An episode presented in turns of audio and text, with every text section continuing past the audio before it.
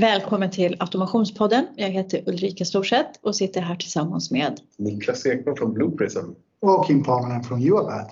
All right. Hur mår ni idag? Bra! Det är bra. Ja. Ja.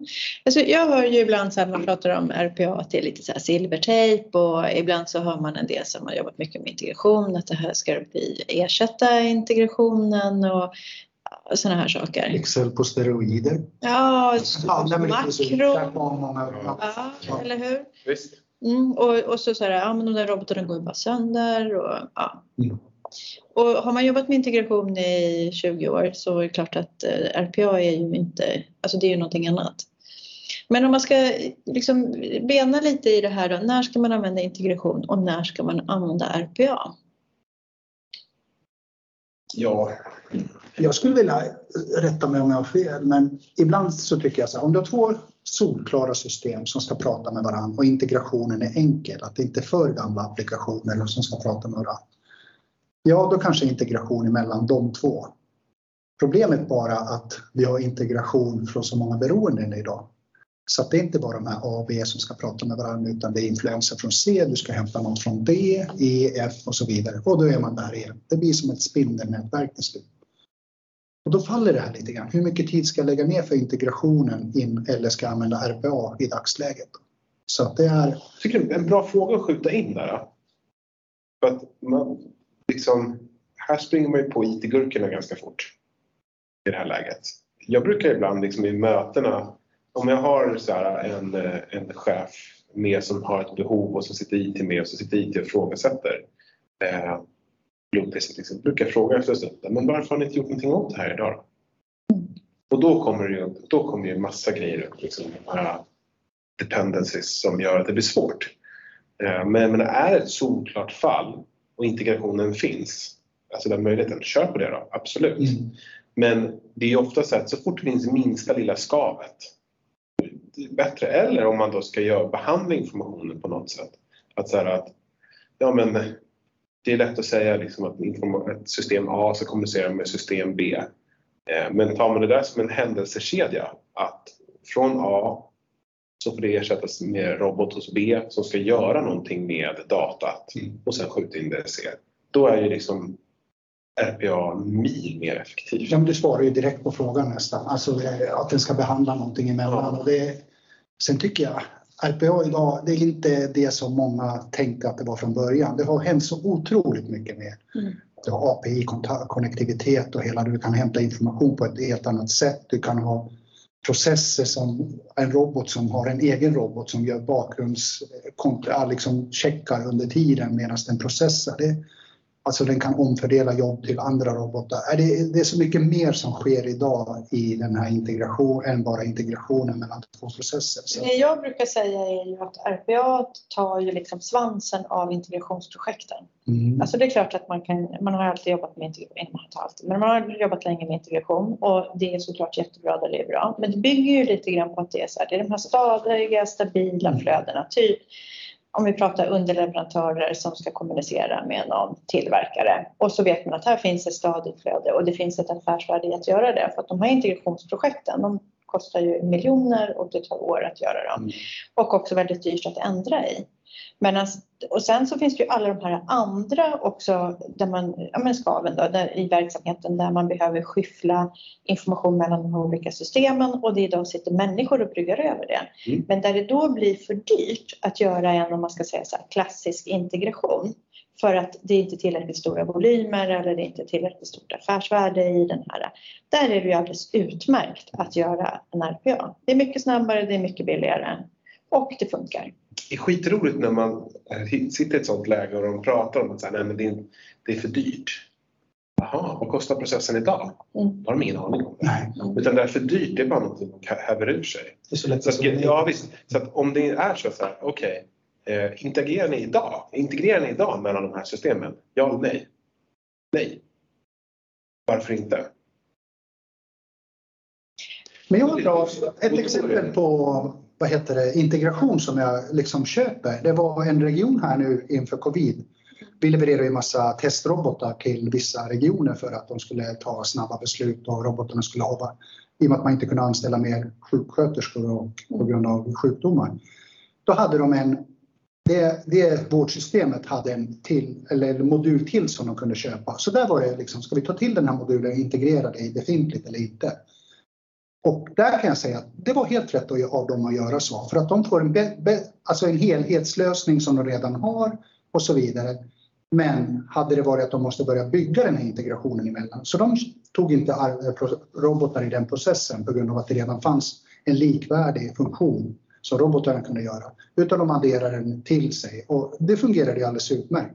Sen har vi haft där robotarna har gjort massa bearbetningar runt omkring och det hade varit då när en tredjeparts eller eh, ja, fjärde parts eller andra parts eller vad man, vilken att applikationen ska prata med varandra. Då tror jag direkt att RPA blir en vinnande koncept i det hela. Och det, jag tycker den här minskar också lite grann. Att vi, nej, men vi ska ha ett integrationsprojekt. Precis som du var inne på Niklas. De har inte många gånger kostnadskontrollen heller, vad det kostar i skolan. Vad, är liksom, vad kommer det kosta? Ah, det, det, det, blir för dyrt. det blir för dyrt.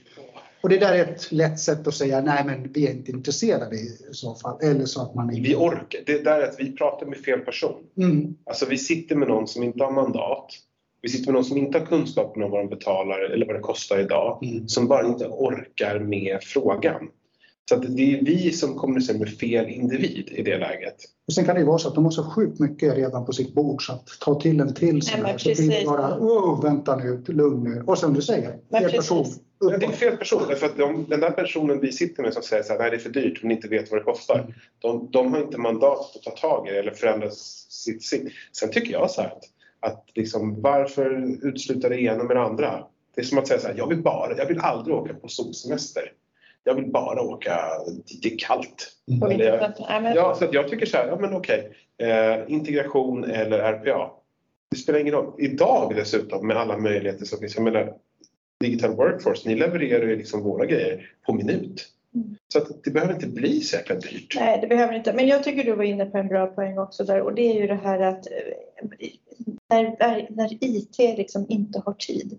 För det har de ju inte alltid. Det kan ju finnas jättebra exempel på processer där man behöver automatisera och effektivisera mm. och där det verkligen finns ett värde i det. Men IT har inte tid att ta i det och de orkar inte för de har så mycket annat de ska göra. De ska byta ERP-system eller vad som helst och få, få allt det att funka. Och, och då blir det också så här att då, för att de här RPA-projekten är mycket mer verksamhetsprojekt. Mm. Så att de projekten flyttar också från IT som projektledare och som drivare i det här till att det faktiskt är verksamheten som behöver driva det. Och ibland har verksamheten redan gjort en sån här process och då kommer vi in på det här varför skalar man inte? Då börjar det bli de problemet för att IT inte hinner med och det ska lära sig något nytt och säkerhetsfrågorna och allt det där.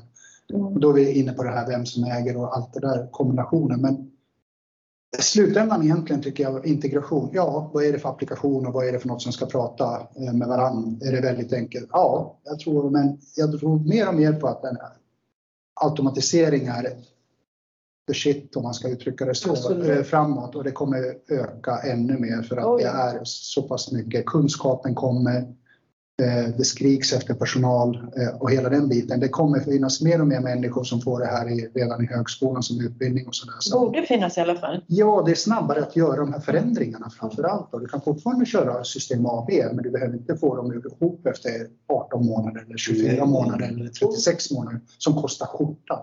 dessutom är det så att jag menar, du nämnde att du så väntar på IT.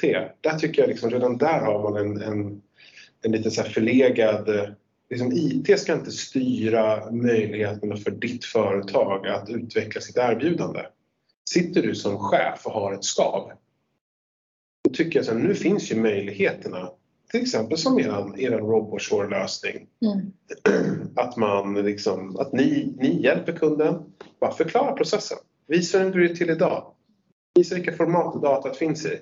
Och så bygger Digital Workforce flödet och så levererar ni det på kram mm. till kund. Men, men du är inne på en grej som jag tycker är jätteviktig också där och det är ju den här liksom maktförflyttningen som egentligen är.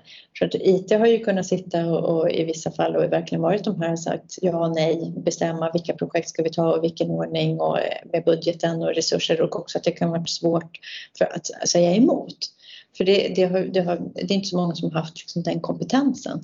Medan nu i och med att RPA också är ett verksamhetsprojekt på ett helt annat sätt så blir det också så att verksamheten äger det, verksamheten driver det, verksamheten har förståelse för det och man gör det utifrån ett verksamhetsbehov. Snarare än att man gör det utifrån ett liksom, tekniskt perspektiv. Visst. Mm. Visst. Mm. Det, det, är, det är lite lustigt egentligen så här för att jag tror det återigen är så här kopplat till vilka är experter på att anförskaffa automationshjälp? Det är ingen vi någonsin pratar med utan vi själva är ju experter på det. Så jag tycker det är lite konstigt egentligen att vi hela tiden eh, tillåter oss sitta, eller att vi positionerar oss hela tiden som att IT ska vara någon sorts bödel i det här, så här eller domare, är det okej okay eller inte okej okay att göra det här? Utan det handlar ju liksom inte om det. Det handlar ju verkligen om vilket affärsvärde processen ger. Mm. Men om du säljer, jobbar du på liksom Zalando, det är inte så att du håller på med information för rikets säkerhet eller jobbar du på Dustin eller mm. jobbar du på Löfbergs Lila eller på Maersk eller så vidare. Men det finns en väldigt mycket kortare väg till lösning på problemet och där tycker jag att ni har gjort väldigt mycket bra ifrån er eh, på Digital Workforce. Eh, och, inte minst liksom med er RoboShore-lösning, den är hur smidig som helst. Så sitter du som chef eller du sitter där ute som processägare eller sitter i processen, liksom, du behöver inte eh, du behöver inte egentligen involvera så himla mycket människor, du bara vill prova för att se, se liksom vinsten av hela. Mm. Därför att informationen den lever kvar i precis de system som de lever i idag. Det är ingen skillnad. Nej. Eh, och de få sekunderna informationen behandlas av en digital medarbetare så är de raderade sekunden transaktionen är klar. Mm, absolut. Men eh, hörni, det här blev väl en, en intressant dialog. Jag hoppas att vi har... Det finns en kultur, jag skulle vilja klämma ja. det sista där. Det finns vissa bolag, jag nämnde ingen nämnd så att jag stänger några dörrar framöver, men jag får en känsla av att vissa bolag har också automation. Nej, vi ska integrera.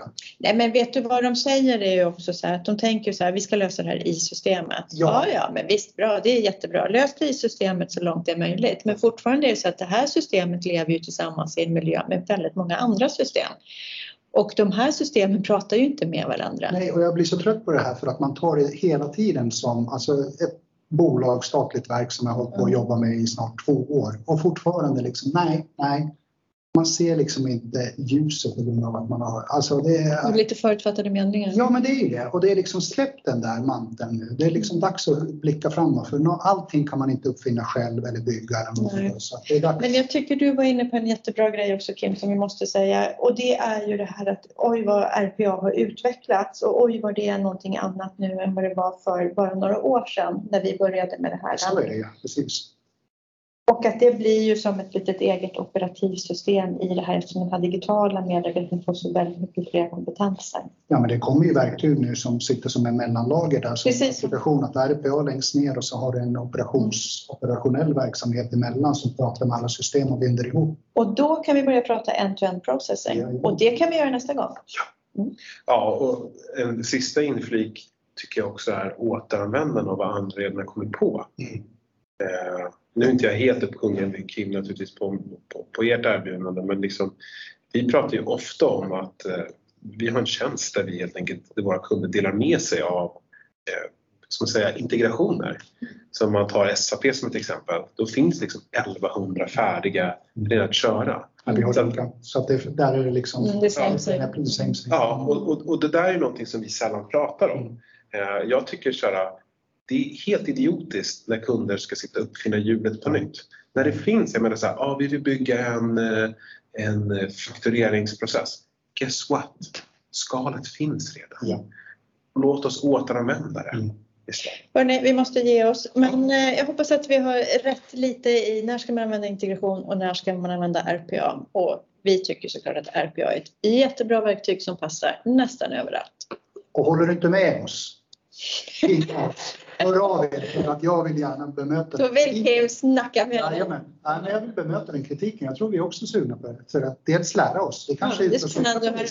Men så kan det vara. Det kan ha varit saker Ja. som vi inte fattat men eh, jag tror att vi har fattat. Ja, Ja, och kan man integrera, gör det då. Varför har man inte gjort det hittills? Bra det. Eh, tack för idag.